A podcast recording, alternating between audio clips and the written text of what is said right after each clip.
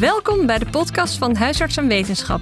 Een podcast met een bespreking van uitgelichte artikelen en nieuwsberichten. Leuk dat je luistert. Ik ben Femke Veldman en we gaan het in deze aflevering hebben over ketamine. Een partydruk die ook wel heel heftige urologische schade kan opleveren. Jonge vrouw van ook een jaar of twintig. En de laatste maanden waren die klachten ontzettend invaliderend voor haar. Ze sliep eigenlijk nog amper doordat ze continu naar het toilet moest s'nachts. We gaan in deze podcast bespreken hoe fors deze schade is en wat is eraan te doen. Goedemorgen Pim. Goedemorgen. Hi. We kennen jou al. Jij hebt meerdere casuïstiek artikelen al eh, verteld op een podcast. Jij bent universitair docent op de afdeling Eerste Lijnsgeneeskunde van het Radboud UMC. En je bent ook oprichter van Artsportaal. En dit artikel gaat over ketamine. Ketamine en zijn urologische complicaties. Ja, Jij leuk. hebt daar eh, twee casussen over meegemaakt. Klopt, ja. Zullen we daar eens mee beginnen? Ja, dat is goed. Want inderdaad, dat wa- was voor mij de aanleiding om dit artikel te schrijven, die twee casus. Ehm, de eerste casus komt echt uit mijn eigen eh, huisartspraktijk. Eh, en de andere casus is eigenlijk een casus van de urologen die hebben meegeschreven aan dit artikel. Ehm, en die eerste casus dus van de jonge man die in het, in het artikel staat... Die was voor mij de aanleiding om dit artikel eh, te gaan schrijven. Het was een jonge man van een jaar of twintig die ik goed kende met langere tijd verschillende drugs die hij gebruikte.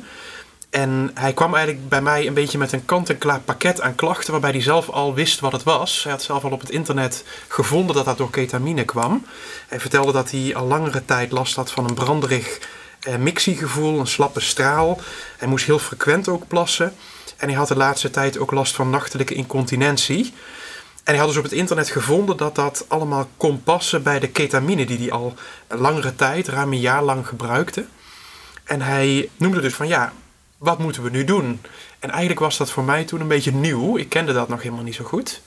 Dat leerpunt voor mij was de oorsprong van het artikel, omdat ik dat graag wilde delen met Ja. eh, collega's. Ja.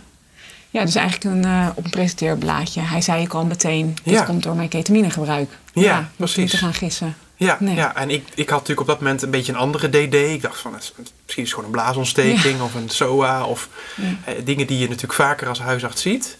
En hij kwam eigenlijk dus met al meteen ook uiteindelijk de juiste diagnose. En eh, dat was heel fijn, want ik was er misschien zelf helemaal niet zo op gekomen, eerlijk gezegd. Nee. En dan had je ook nog casus nummer twee. Ja, de andere casus ehm, eh, hebben we eigenlijk daarbij geplaatst, omdat dat een casus was die ehm, ja, nog misschien een stukje indrukwekkender was dan de casus van de jonge man uit mijn praktijk. Eh, de tweede casus is van een jonge vrouw van ook een jaar of twintig, die echt al jaren wisselende klachten had van het plassen, van haar buik. En de laatste maanden waren die klachten ontzettend invaliderend voor haar, heel ernstig. Ze sliep eigenlijk nog amper doordat ze continu naar het toilet moest s'nachts. Ze had ook overdag continu een aandranggevoel, hele hevige buikkrampen. Er was ook overdag en s'nachts eh urine-incontinent. En haar eigen huisarts die had ook geen enkel idee wat, wat daar nog mee moest. Die had al verschillende specialisten laten kijken. Allerlei onderzoeken gedaan, SOA-testen, kweken ingezet. Een aantal keer ook pragmatisch antibiotica gestart. Van nou, we gaan maar eens kijken of het daarmee opknapt. En uiteindelijk heeft die huisarts toen een beetje uit wanhoop eh, verwezen naar de uroloog. En uiteindelijk heeft dus de uroloog, eh, degene die met het artikel meeschreven, ook vastgesteld dat het bij haar ook om eh, ketamine gerelateerde blaasklachten ging. Ja. Ja, het is geen tegenwoordig meer bijna onbekend ding. Ook in mijn praktijk kwam er ook een keer zo'n jongen... die had ook allerlei soorten klachten, allerlei soorten onderzoeken gedaan. Kwam er niet uit, maar die gaf het niet op een presenteerblaadje mee. En dan kan je echt Ja. flink zoeken. Ja. Dus op een gegeven moment was het, eh, nou ja, na drie keer vragen of die drugs gebruikte... ja, inderdaad. En dat was ketamine. Dus het wordt echt wel steeds meer gebruikt. Dus echt goed om eh, te weten als huisarts... van urologische klachten die daarbij passen. Zeker, ja. ja. We hebben dus die twee casus dan beide geplaatst omdat we inderdaad vonden dat het een heel, een heel mooi palet liet zien van hoe een patiënt zich kan presenteren. De jonge man had wat mildere klachten, de jonge dame duidelijk ernstigere Ja. klachten. Ja. Bij de jonge man was het kort bestaand, bij de jonge dame al langer bestaand. En de jonge man was meteen eerlijk en had eigenlijk al zijn diagnose zelf gesteld. En de jonge dame die had dat duidelijk nog niet, denk ik, zo bedacht. Maar had daar ook niet ehm, eerlijk op geantwoord in eerste Ja. instantie naar Ja. de huisarts. Ja. Want die had al een heleboel keer de anamnese verdiept en een heleboel dingen willen uitvragen. Maar dit stukje van drugsgebruik had zij niet in eerste instantie genoemd. Nee. En dat zal dus denk ik ook vaak in de praktijk zo zijn dat mensen dat niet altijd eerlijk meteen opbiechten. Ja. Ja. ja, leerzaam. Dan gaan we eens naar ketamine kijken. Wat is dat precies voor stof? Ja, ketamine is ehm, een snel werkend anestheticum dat ook analgetische effecten heeft. Eh, het is eigenlijk al lang geleden ontdekt. In 1962 ehm, werd het voor het eerst gebruikt. En eigenlijk wordt het momenteel in de medische wereld amper nog gebruikt. Het heeft nog maar een hele bescheiden plaats eigenlijk in de anesthesie in Nederland. En dat heeft ermee te maken dat aan de ene kant er een heleboel andere middelen zijn die vaak wat prettiger nog werken. Ehm, en met name ook minder bijwerkingen hebben. En dat is dus eigenlijk een beetje de tweede reden. Eh, ketamine heeft eh, met name ook op de korte termijn tijdens het toedienen van de ketamine allerlei neveneffecten. eh, die vaak wat minder wenselijk zijn. Waardoor het dus niet meer zoveel eh, wordt gebruikt. Ehm, het heeft overigens ook nog een hele kleine plaats in de chronische behandeling van een depressie en de behandeling van chronische pijn. Maar ik denk dat we het als dokters niet heel vaak tegenkomen of eh, ja, ik denk ook in ieder geval niet zelf toepassen. Ja, Ik denk dat het onder troopartsen een heel eh, bekend middel Ja, is. ja. Eh, daar, wordt, eh, eh, ja, daar worden hele eh keizersneden en curatages en manuele placentaverwijdering op gedaan. Ja. Maar ja, het heeft dus ook heel veel bijwerkingen, wat het aantrekkelijk maakt voor meer de drugs zien. Exact, Ja. ja. ja, Want zo is het inderdaad. Hè, doordat het die eh, bijwerkingen heeft, ehm, is het juist de laatste tijd steeds geliefder onder uitgaanders. Ja. Maar ook überhaupt onder mensen die eh, drugs willen gebruiken. De effecten die, die mensen dan prettig vinden zijn eigenlijk de eh, eh, hallucinerende effecten die het kan geven eh, op het moment van gebruik. Maar ook het dissociatieve gevoel wat mensen ervaren.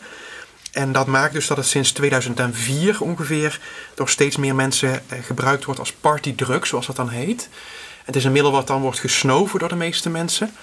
En dat eh, gebeurt dan onder allerlei verschillende namen. Ehm, eh, het heet eh, in, in, in de drug scene ook wel Special K, Vitamin K, Jet K. Maar ook Keta is een naam die, eh, die veel wordt gebruikt.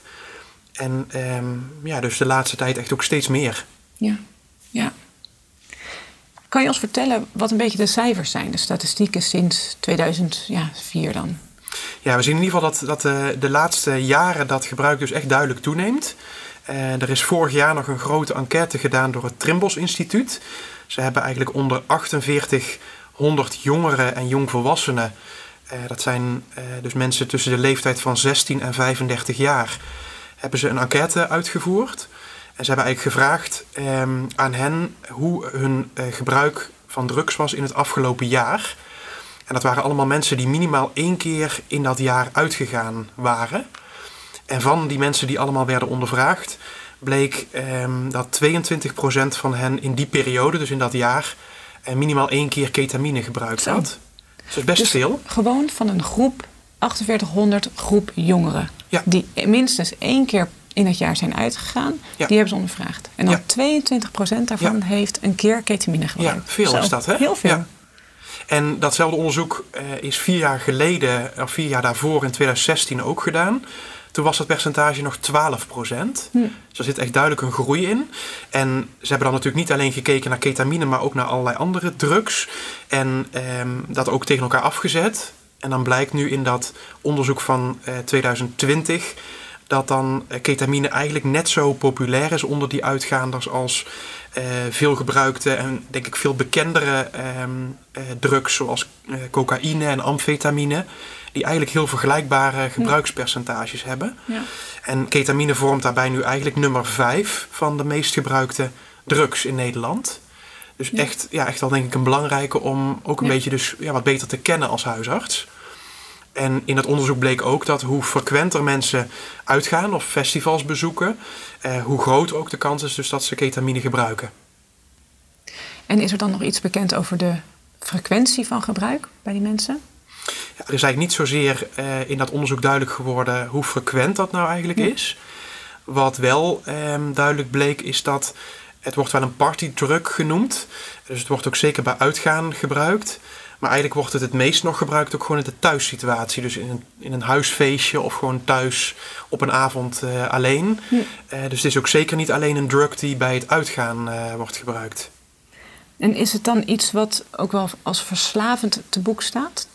Ja, zeker. Ja. Dus het, het, het heeft met name een psychologische verslaving. Mhm. Dus daar zit het, het grootste verslavende effect. Niet zozeer een lichamelijk verslavend effect. Dus je ziet vaak ook als mensen willen stoppen dat niet zozeer de lichamelijke afkikverschijnselen komen, maar met name heel veel psychische afhankelijkheidsuitingen komen. Eh, en het is in dat opzicht echt een, een behoorlijk verslavend eh, middel. Ja. Ja. ja. Kan je ons vertellen wat de bijwerkingen zijn van ketamine? Zeker. Ja, ketamine heeft eh, de bijwerkingen natuurlijk op het moment van gebruik. En de bijwerkingen meer op de lange termijn. Eh, dat laatste, die lange termijn bijwerkingen, daar gaat het artikel met name over. Want die urologische bijwerkingen zijn vooral bijwerkingen die bij een langere tijd gebruik ontstaan. Eh, op het moment dat iemand het gebruikt, ehm, heb je meer eigenlijk dus die psychologische, die, die ehm, eh, neurologische bijwerkingen. Dat betekent een verstoorde coördinatie, verwachtheid, maar dus ook de hallucinaties. En je ziet ook vaak misselijkheid optreden op het moment dat iemand het gebruikt. En doordat het dus de laatste jaren eh, toenemend ook recreatief eh, chronisch wordt gebruikt, zien, zien we dus ook steeds vaker die lange termijn effecten. En dat zijn dan enerzijds ook weer met name de neurologische en psychische lange termijn effecten, maar anderzijds ook de echt somatische eh, effecten. Als je dan kijkt naar die psychologische, neurologische effecten, dan gaat dat om het aantasten, eh, aantasting van het geheugenvermogen, het concentratievermogen, dat dat langzaam achteruit kan gaan. En lichamelijk eh, wordt geregeld een gastritis gezien, dus maagklachten. En dus de eh, klachten van de tractus urogenitalis, waar we in ons artikel vooral op inzoomen. En in dat uh, Trimbos-onderzoek, wat ik net ook aanhaalde uit 2020, werd ook daar specifiek naar gevraagd onder de gebruikers van ketamine. Er werd actief gevraagd of ze die blaasklachten ehm, ook hadden ervaren in dat afgelopen jaar. En daarbij noemde eh, bijna een kwart, 24 procent, eh, dat ze dat soms of vaak hebben ervaren in die periode van gebruik. Dus het is ook best wel frequent. Ja. Ja, echt een belangrijke bijwerking. Ja. Ja. En je noemt ook de gastro-intestinale uh, verschijnselen. Is dat het wat ze met cake-cramps bedoelen? Ja, inderdaad. Die, die cake cramps is eigenlijk een, een term die vooral door gebruikers vaak wordt uh, toegepast. Je leest er ook heel veel over op het internet, op forums, dat ze dat uitwisselen. Je hebt je goed ingelezen voor Ik heb me goed ingelezen, ja. en um, daarmee worden dus eigenlijk de, ja, de buikklachten, de krampen van de buik bedoeld. En dat is dus eigenlijk een beetje een, een vage globale term. En dat kan dan dus zowel slaan op die gastritisklachten, wat dus ook soms meer maagkrampen kan geven. Mm -hmm. Maar anderzijds dus ook op meer de blaasklachten met blaaskrampen en meer klachten in de onderbuik. Ja. Dus het is eigenlijk meer een paraplu-term voor allebei die, die, ja. Uh, ja, die verschillende effecten. En als we het dan hebben over die gastro-enteritisklachten, is dat iets van de korte termijn of lange termijn effecten? Ja, die gastritisklachten zijn ook bij lange termijn ja. uh, met name. Okay. Ja.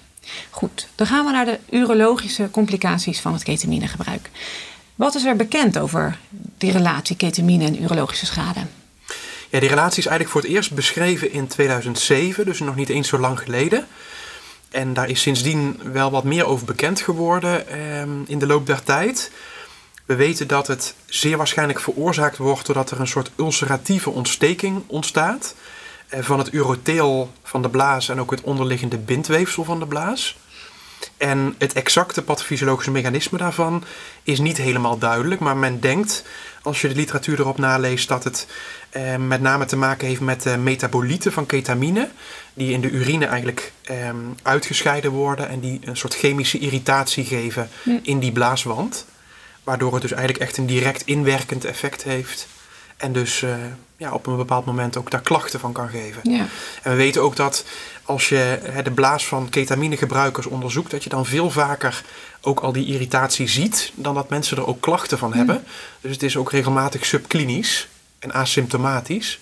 Maar dan kan het wel in de loop der tijd ook wel echt een beschadiging geven. En alleen van de blaas of ook hogerop? Met name de blaas. Um, en men denkt ook het, het eerste stukje van de ureteren omhoog. Er zijn geen directe effecten op de nier gerapporteerd.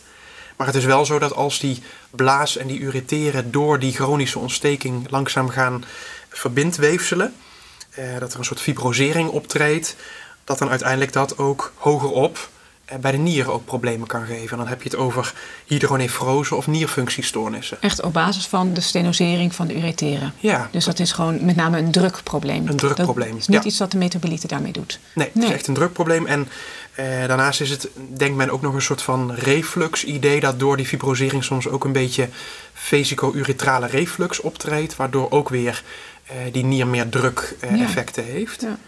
Maar je ziet dus nog wel eens dat mensen echt met, met eh, klachten van eh, zo'n ketamineblaas... bij onderzoek dan toch echt ook een ernstige nierfunctiestoornis al hebben...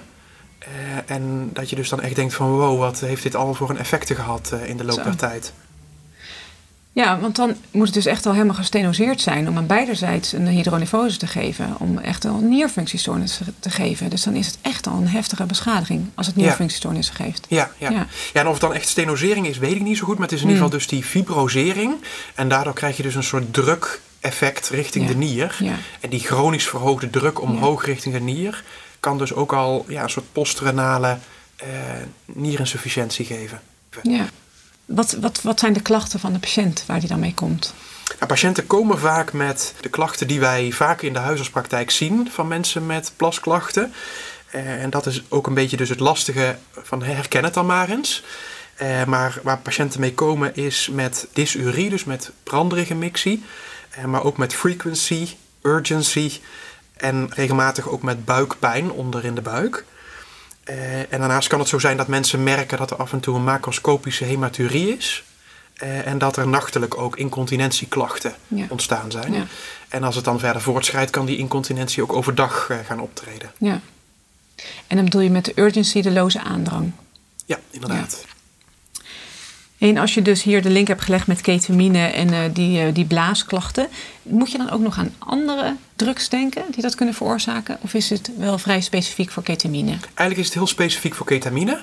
Dus ketamine is eigenlijk eh, de enige drug die echt dit type urologische klachten geeft. Eh, er zijn wel andere drugs die ook ja, urologische klachten in zijn algemeenheid kunnen geven, maar dat zijn dan echt andere type klachten. Zo is het bijvoorbeeld zo dat bij cocaïne eh, met name seksuele klachten bekend zijn. En eh, bij een aantal andere drugs zie je met name een hoger risico op maligniteiten.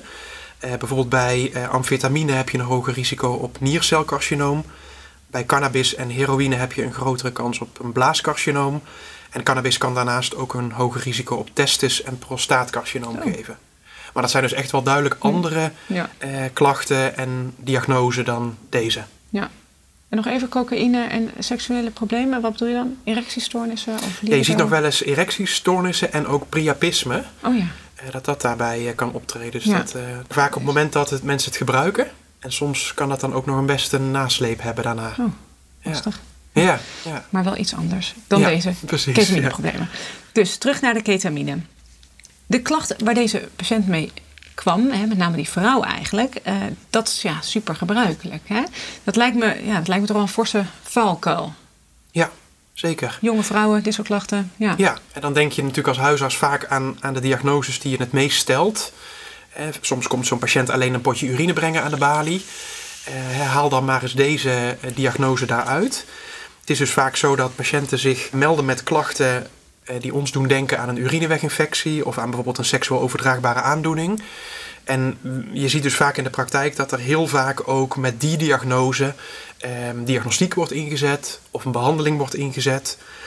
En het lastige daarbij is ook dat als je dan die diagnostiek doet, dat dan bij ketaminegebruik ook vaak eh, afwijkingen in de urine vast te stellen zijn, die ook weer kunnen lijken op een blaasontsteking. Doordat je die blaasbeschadiging hebt aan de binnenkant, zie je vaak dat er wat erytrocyten in de urine te vinden zijn, dat er soms wat le- leukocyten te vinden zijn, of wat proteïnen te vinden zijn. Eh, Dan denk je natuurlijk ook al gauw van, nou, dan zal het misschien wel een blaasontsteking zijn. Dan ga je toch een beetje in een andere hoek denken. En dat maakt het dus echt een uitdaging voor de huisarts om aan deze diagnose Ja. te denken. En je ziet dus ook vaak dat patiënten, zeker als ze dus niet eerlijk zijn over eh, het gebruik van ketamine, ook echt langere tijd met klachten blijven rondlopen, die telkens maar weer terugkomen, recidiveren, niet op behandeling reageren. Dat het dan soms echt een, eh, ja, echt een, een zoektocht is waarbij de huisarts er ook niet, eh, niet uit kan komen. Die vrouw die, eh, is verwezen naar de uroloog. Moet dat altijd? Of is abstinentie, gewoon stoppen met de ketamine, zou dat ook genoeg kunnen zijn? Ja, wij adviseren wel om altijd te verwijzen naar de uroloog. En dat heeft eigenlijk met een aantal dingen te maken. Als eerste is het belangrijk dat de uroloog eh, vaststelt dat de diagnose klopt en dat er dus niet een andere diagnose speelt. En soms kan het zo zijn dat er toch een andere diagnose speelt die heel erg lijkt op deze diagnose, deze klachten. Ehm, maar dat er dan dus bijvoorbeeld toch een, een maligniteit of iets anders eh, eh, onder de klachten ligt. Dus een uroloog zal altijd met een cystoscopie en met urodynamisch onderzoek ook kijken van hey, past alles bij deze diagnose? Eh, wat dan de uroloog ziet is dat je bij zo'n cystoscopie echt een soort hyperemische blaas ziet met soms ulceraties, met soms neovascularisatie, echt allerlei secundaire veranderingen van dat blaasepitheel. En reden twee is eigenlijk dat het belangrijk is dat de uroloog niet alleen die diagnose bevestigt, maar ook goed kijkt naar de ernst van het probleem. Dus dat je ook kijkt van, hey, is er ook iets richting de nieren aan de hand? Dus een uroloog zal altijd een echografie doen of een CT-scan doen... om te kijken of ook bij de hogere urinewegen iets speelt... wat ook aandacht verdient. Ja. En dan blijkt eigenlijk dat bij de uh, uroloog... bij ongeveer de helft van de patiënten dat ook echt al het geval is. Dus is ook ontzettend veel dat bij mensen die vaak dan toch met redelijk eh, onschuldig ogende klachten naar de uroloog gaan dat dan toch bij de helft van hen toch ook wel iets met de nier aan de hand is. Ongelooflijk, ja. En dat moet je dus wel onderkennen en daar ook op acteren. Want anders dan, ja, als je dat dan als huisarts niet, uh, niet weet, dan uh, ja, neem je het probleem misschien toch niet helemaal serieus genoeg. Ja. Ja. En dat betekent dat je dus een patiënt, wat ons betreft, altijd moet verwijzen naar de uroloog. En eigenlijk ook met spoed moet verwijzen naar de uroloog. Dus dat betekent niet naar de spoedeisende hulp, maar wel naar een spoedpolie. Maar ergens dus dat een patiënt binnen ongeveer twee weken op de poli gezien wordt. Om dus in ieder geval die ernst goed te onderkennen en daar ook iets mee te kunnen doen. Dat dus niet bijvoorbeeld die nierfunctiestoornissen alleen maar slechter worden in de wachttijd totdat een patiënt bij de uroloog komt. Ja. En dan staat het je natuurlijk vrij om al goed met de patiënt wel te bespreken van hé, hey, ik maak me zorgen. En je moet echt nu stoppen met het ketaminegebruik. Ehm, want dit gaat helemaal de verkeerde kant op. Dat je dat al bespreekt en in gang zet. Uh, maar daarnaast zou ik het echt over gaan dragen naar de uroloog. Ja, dus uh, wel een belangrijke kern is echt de ernst van het probleem overdragen ja. aan de patiënt. Ja. Laten zien dat het ja. echt serieus genomen moet worden. Ja, ja. en zeker dan bij de patiënt die, uh, die er dus niet zelf mee komt en die niet zelf misschien eerlijk was. Dat zijn denk ik juist de patiënten die je juist ook moet overtuigen van hé, hey, dit is iets zorgelijks. hier moeten we echt iets mee gaan doen. Um, want het is ook lang niet altijd zo dat als iemand stopt met uh, het ketaminegebruik, dat die klachten dan daarna ook weer beter worden. Um, en de mensen die het beste stoppen en het vroeg stoppen, die hebben de beste prognose. Ja. Dus mensen moeten zich echt realiseren dat, uh, dat, er, uh, dat er iets moet gebeuren. Ja, want je schrijft ook in je artikel over de visueuze cirkel. Hè? Het pijn bestrijden met ketamine, de pijn ja. van de blaas met ketamine bestrijden en zo het Ja. in stand houden van het gebruik. Ja. Ja, want wat ik dus noemde, hè, ketamine is dus een eh, anestheticum, maar ook dus met analgetische effecten. Het wordt niet voor niks dus soms bij chronische pijn ingezet. Dus wat patiënten nog wel eens merken is dat als ze ketamine gebruiken, dat die hinderlijke blaasklachten dus tijdelijk beter Ja. worden daarmee. Ja. Dus het is ook een soort van zelfmedicalisering om ketamine te blijven gebruiken. Ja. En daarmee hou je inderdaad ook het probleem in stand en wordt het eigenlijk alleen maar slechter. Hè, dus naast dat stukje ernstige psychologische verslaving heb je ook het stuk eh, analgetische effecten, wat maakt dat het stoppen met de ketamine echt een uitdaging is. Maar wel de hoeksteen van de behandeling. Dus het is het enige wat je eigenlijk kan doen om het proces te stoppen, wat in gang gezet is. Vervang je dan de eh, pijnstiller ook? Ja, dus wat je vaak doet, wat een uroloog vaak doet, is dat je ehm, om een patiënt goed te kunnen laten stoppen, om inderdaad de klachten goed te gaan bestrijden, om daarmee dus ook de mogelijkheid te geven aan de patiënt om te stoppen. Los daarvan is het het beste om dan een patiënt echt multidisciplinair in een verslavingszorgtraject eh, eh, te laten stoppen. Eh, maar daar hoort dus wel ook die symptoombestrijding bij om die opening te bieden, om het zo maar te zeggen. En wat een uroloog dan vaak doet, is dat hij pijnstilling geeft. Met bijvoorbeeld een NSAID, maar soms ook eh, met echt zwaardere pijnstillers als opiaten of met soms ook neuropathische pijnstillers, Ja. pregabaline bijvoorbeeld. Ehm, en wat een uroloog daarnaast ook regelmatig doet, is dat hij met anticholinergica ook dat gevoel van urgency en frequency ook kan onderdrukken. Soms geeft een uroloog zelfs ook nog corticosteroïden tegen het ontstekingseffect wat er eh, gaande is. Er zijn ook speciale blaasspoelingen die een uroloog nog wel eens toepast. Dus er zijn allerlei verschillende ondersteunende symptoombehandelingen te bieden. En wat wij in het artikel ook nog adviseren is dat je als huisarts er nog voor kan kiezen als je een patiënt verwijst. Om al even dus met de uroloog ook af te stemmen van hey, in de periode dat een patiënt nog niet bij je is, zal ik al iets starten om die symptomen al wat te onderdrukken. Want vaak heeft een patiënt dus echt hele hinderlijke klachten. Denk maar eens aan die nachtelijke klachten en zo. Dan is het natuurlijk heel dankbaar als je al iets kan doen tegen die klachten met pijnstilling of met anticholinergica. En daar kun je heel makkelijk ook eigenlijk de, de NAG-standaarden pijn en de NAG-standaard incontinentie voor urine bij vrouwen voor gebruiken. Maar het is denk ik ook goed om gewoon eens even dan met de uroloog te sparren van hey, wie doet nou wat en ja. uh, wat zet ik al in gang. Ja. En wat kan de uroloog nog meer doen qua behandeling? Met name eigenlijk dus die, die symptoombestrijding Mhm. wat ik noemde. Um, heel veel meer kan eigenlijk de uroloog ook niet echt doen. Dus dat betekent dat ook de uroloog zal zeggen van ja, het belangrijkste wat een patiënt moet doen is echt stoppen met het ketaminegebruik. Um, als je het hebt over hele ernstige gevallen, dan moet de uroloog soms echt ook invasief ingrijpen. Dus een hele ernstige gevallen waarbij er hele forse nierfunctiestoornissen zijn of een hele forse hydronefrose is, uh, is soms zelfs echt drainage van de nier met een nefrostomie-katheter bijvoorbeeld nodig. En er zijn zelfs ook in de literatuur uh, gevallen beschreven waarbij echt een cystectomie, dus echt een blaasresectie, nodig is geweest, omdat gewoon de klachten niet onder controle kwamen. En dat illustreert dus ook hoe potentieel ernstig dit allemaal kan zijn. Volgens mij hebben we wel een beeld, ja. ja. Zo hé. Ja. ja. Wat is de prognose voor uh, de gebruikers? Ex-gebruikers soms? Ja, uit de literatuur blijkt dat uh, die prognose eigenlijk nog niet eens zo heel goed is, eerlijk gezegd. Uh, bij ongeveer een derde van de gebruikers uh, verminderen de klachten of verdwijnen de klachten als ze met de ketamine ook stoppen. Bij een derde blijven de klachten eigenlijk gelijk, ondanks dat mensen gestopt zijn. Dus worden de klachten eigenlijk niet uit zichzelf beter. En bij het resterende derde deel worden de klachten zelfs erger, ondanks dat de ketamine gestopt is. Zo. En ook dat illustreert weer dat ja, het stoppen heel belangrijk is, maar dat ja, het probleem gewoon echt ernstig is. En daarmee ook de onderkenning dus heel belangrijk is. In de literatuur blijkt dat die verdeling van een derde, een derde, een derde eh, het meest nog samenhangt met eh, een stukje dosis-effectrelatie. Dus hoe vaker en hoe meer mensen het gebruiken, hoe slechter de prognose is bij stoppen. En ook dat de duur daarin meespeelt. Dus hoe langer mensen ook al gebruikt hebben, hoe slechter ook weer de prognose is. Ja, tijdig erbij en, zijn. Tijdig dus erbij zijn, ja. ja. ja. En ook gestopt blijven. Hè? En gestopt dus blijven, zeker. met stoppen. Ja. Kan je daar de patiënt nog ergens in ondersteunen?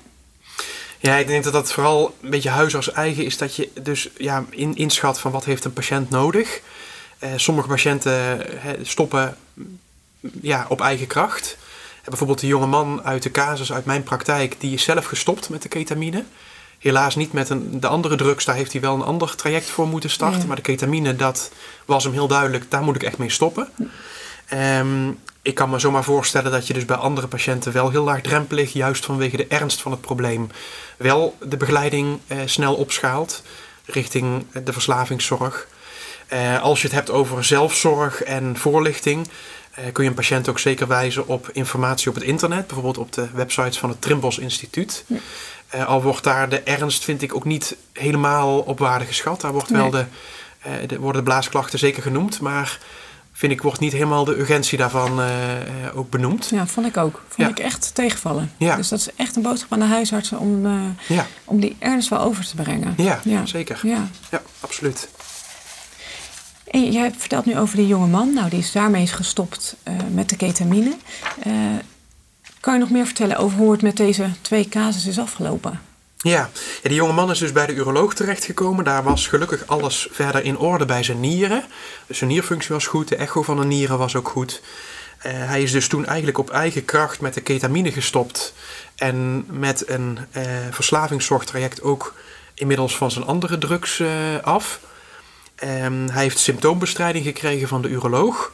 Met zowel pijnstilling als anticholinergica. En inmiddels is hij helemaal klachtenvrij op dit moment. Um, de jonge dame, daarvan weten we dat hij ook gestopt is met het ketaminegebruik. Zij heeft daar wel echt een multidisciplinair traject voor nodig gehad. Eh, maar bij haar zijn eigenlijk de klachten momenteel nog niet weg, helaas. Ja. Zij heeft wel gedeeltelijk wat vermindering met de symptoombestrijding. Maar zij loopt nog steeds bij de uroloog met hele Ja. hinderlijke klachten. Ja. Ehm, en zij heeft ook meerdere malen tegen de urologen benoemd van nou, eh, vertel andere gebruikers hoe ernstig dit is. Want als ik dit had geweten, was ik er Ja. nooit aan begonnen. Ja, ja. Dus zij heeft nu eh, achteraf heel veel spijt. Ja. Ja. Doe me een beetje, denken aan lachgas en de polyneuropathie. Ja, Hè? Dat je dat dus ook als analgeticum blijft gebruiken voor de neuropathie die weer van de lachgas komt. Ja. Ja, Ja. en zo hou je het in stand. Nou, tijd voor een eh, korte samenvatting van wat we verteld hebben. Mhm. Dan kunnen we daarmee deze podcast afsluiten. Ja, precies. Kan jij je samenvatting geven? Ja, mijn belangrijkste boodschap is denk ik dat ehm, ketamine dus een steeds meer gebruikt eh, middel is in eh, de party scene, maar ook gewoon onder drugsgebruikers. En nummer vijf van de meest gebruikte drugs op dit moment. Ehm, en met name dat er dus die lange termijn effecten op eh, de urologische organen ehm, zijn. Die variëren dus van hele milde dysurieklachten tot een hele ernstige hydronefrose. Ben daar alert op als huisarts, weet dat dat bestaat. En ik denk dat het belangrijk is om vooral eraan te denken bij eh, de mensen bij wie het het meest voorkomt. Die jonge mensen, bij wie je weet dat ze misschien al drugs gebruiken. Of die veel uitgaan of veel in ieder geval eh, eh, in de omgeving zijn waar drugs gebruikt worden. En denk er dan vooral aan bij onverklaarde therapieresistente en of recidiverende mixieklachten.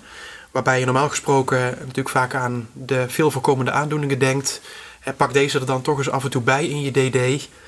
Eh, want hoe eerder je erbij bent, hoe eerder je ook het probleem stopt. En hoe beter dus ook de prognose voor de patiënt is. Ja. Pip Keurlings, hartelijk dank. Graag gedaan. Dit was een podcast met Pim Keurlings over ketamine en de urologische schade die het aan kan richten. Mijn naam is Femke Veldman en tot de volgende podcast. Bedankt voor het luisteren. Kijk voor meer informatie op hnw.org en op huisartspodcast.nl.